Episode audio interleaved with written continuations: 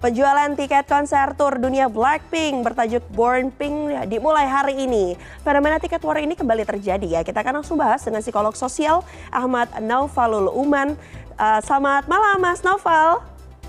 Malam Mesti. Mas Naufal kalau kita ngomongin atau bicara tentang war tiket, faktor psikologis apa sih yang sebenarnya membuat fenomena uh, berebut tiket konser ini makin meningkat gitu? Iya, ini sebenarnya keinget sedikit nih waktu 2012 dulu tiket itu dilakukan masih offline deh sebelum era mm -hmm. internet ini. Itu waktu SM Town World Tour ketiga dan itu dijual di Ballroom Sense restoran Mangga 2 kalau nggak salah. Itu mm. udah antri berjam-jam, yang ini udah habis semua. Pas sampai di sana itu cuma tinggal sisa VIP yang dua setengah juta ya ya udahlah orang-orang di situ kadang awalnya niat mau beli yang tribut biasa terus akhirnya up, langsung upgrade gitu. Tapi saya takjub juga tadi di wawancara sebelumnya bilang bahkan yang VIP sekalipun habis. Oke mm -hmm. yang fansnya aja di sini. Ini beberapa hal yang saya lihat di sini ya. Ini satu faktornya adalah scarcity effect. Okay. ini standar lah di konsumen mana-mana ini. Kalau ada barang yang langka banget nilainya ini semua orang pasti akan berburu di situ nah sekarang ini selain kuantitasnya yang langka mhm. kehadiran Blackpinknya sendiri di sini juga langka sama dengan artis-artis internasional lainnya. Terus kemudian kalau saya lihat terus untuk lama-lama semua artis bakal itu sih. Tapi ini yang memulai artis-artis K-pop dulu. Fans kepada idolanya itu nggak cuma dia kagum sama seseorang yang diidolakan, tapi itu ada rasa apa ya, ini sudah sering deskripsi psikologi mana-mana nih. Ada namanya parasocial interaction.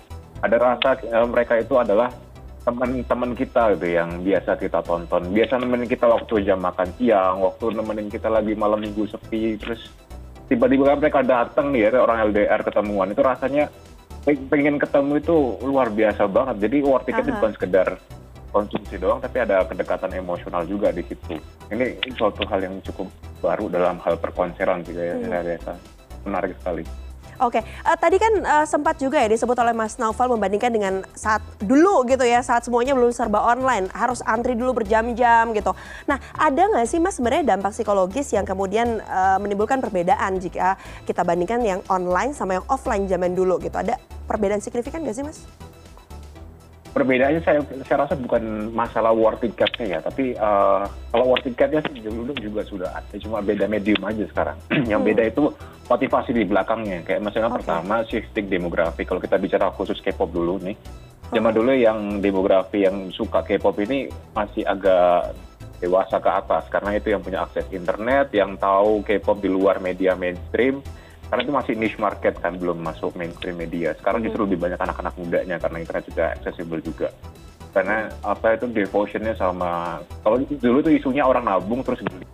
Sekarang itu minta izin orang tua terus mm-hmm. Ya inilah demografi terus yang kedua uh, perbedaannya itu adalah ini kalau sekarang itu kan kita dukung idol K-pop itu gak cuma sekedar kita menikmati atau kagum sama performancenya. Hmm. Nah, di, kalau di fanbase nya K-pop ini kita tuh berasa kayak lagi dukung tim sepak bola kesayangan loh misalnya kan okay. mereka itu masuk top chart atau jadi favorit artis di kita voting di berbagai macam event-event itu. Jadi kita tuh udah ngedukung mereka segitunya. Dan ketika datang konser ke sini itu dukungan totalitasnya itu ditunjukin ke situ. Lo fans sejati atau enggak? Kalau fans sejati bakal langsung hmm. eh, ada ada rasa apa ya compulsion ada keharusan. Kewajiban gue harus banget datang ke sini. Ini ini karena hmm. pengabdian gue ke idola gue gitu.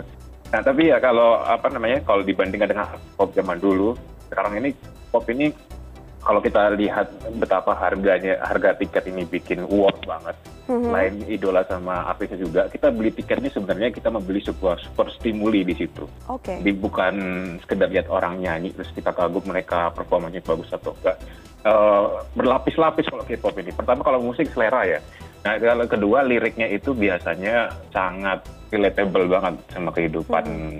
yang dihadapi pemuda masing-masing sekarang ini utamanya kalau Blackpink ini mereka ada ada, ada eksistensialis gitu. Oh, saya lihat bagaimana seseorang itu bisa rise up di antara keabsurdan atau dunia yang mengabaikan atau menantang orang-orang yang penggemarnya ini. Dia ada rasa apa ya suportif dari situ tuh.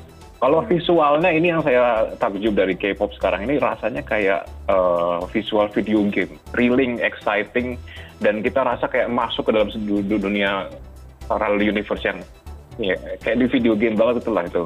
Atau oh. uh, dinamisnya sama uh, kayak naik roller coaster itu kerasa itu super stimulus selain musik visual dan juga yang berikutnya balik lagi ke itu. Ini idola bukan dari idola aja tapi mereka ada rasa kedekatan kayak uh -huh bertemu teman kita yang biasa kita tonton di layar waktu kita sepi atau waktu kita sendiri gitu. Jadi sebenarnya hadir ke konser bisa uh, berhasil mendapatkan tiketnya lewat war itu tuh satu bentuk apa ya uh, temu kangen juga sama idola ya tanda kutip. Tapi kalau kita iya, bicara iya. soal uh, lagi-lagi fokus terhadap war tiketnya, ini kan juga pasti menimbulkan sejumlah sisi psikologis yang juga mungkin berdampak uh, kurang baik gitu kan. Apa uh, jadinya stres karena nggak dapet gitu atau harus uh, kemudian memaksakan kepada orang tua untuk bisa mendapatkan yang tadi disebutkan uh, uangnya izin izinnya gitu. Nah, uh, boleh dijabarkan lagi mungkin Mas Naufal dampak-dampak yang harus perlu diwaspadai nih kalau kita uh, melihat terkait dengan fenomena war ticket yang ada dari konser-konser yang berlangsung.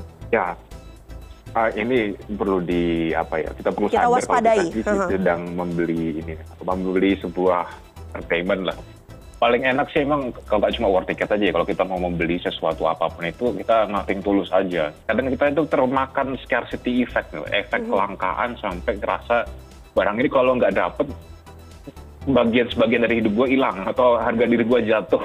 Ini mungkin yang perlu dihindari. Kita perlu sadar apa sih sebenarnya yang mau kita beli di sini. Lebih mindful di situ. Mm-hmm.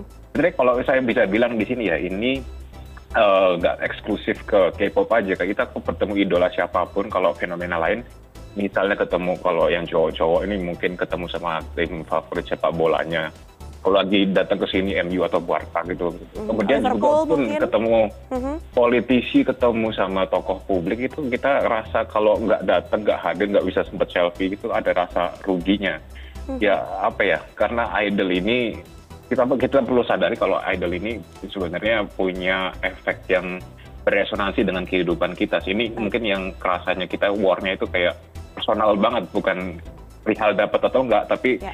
idol ini sudah menjadi kayak saya bilang tadi itu uh, mengusir kesepian. Bahkan biasanya ada yang jadi part of identity gitu. Kita nggak cuma sekedar jadi orang profesional di mana atau pelajar di mana kita menjadi blink misalnya atau jadi citizen atau jadi BTS Army dan sejenisnya identitas ini tuh kayak apa ya ada devotion yang harus dilakukan tuh. Intinya okay. kita mesti lebih mindful aja sih sebenarnya barangnya itu apa. Lebih mindful dan dipastikan tujuannya apa ya Mas? Ya jangan hanya karena FOMO jadi juga uh, ikutan war ticket sampai akhirnya stres kalau nggak dapat tiket. Terima kasih banyak Mas Ahmad Naufalul Uman yang merupakan psikolog sosial sudah bergabung bersama kami malam hari ini di CNN Indonesia Connected. Sehat selalu Mas Naufal tem assim um efeito.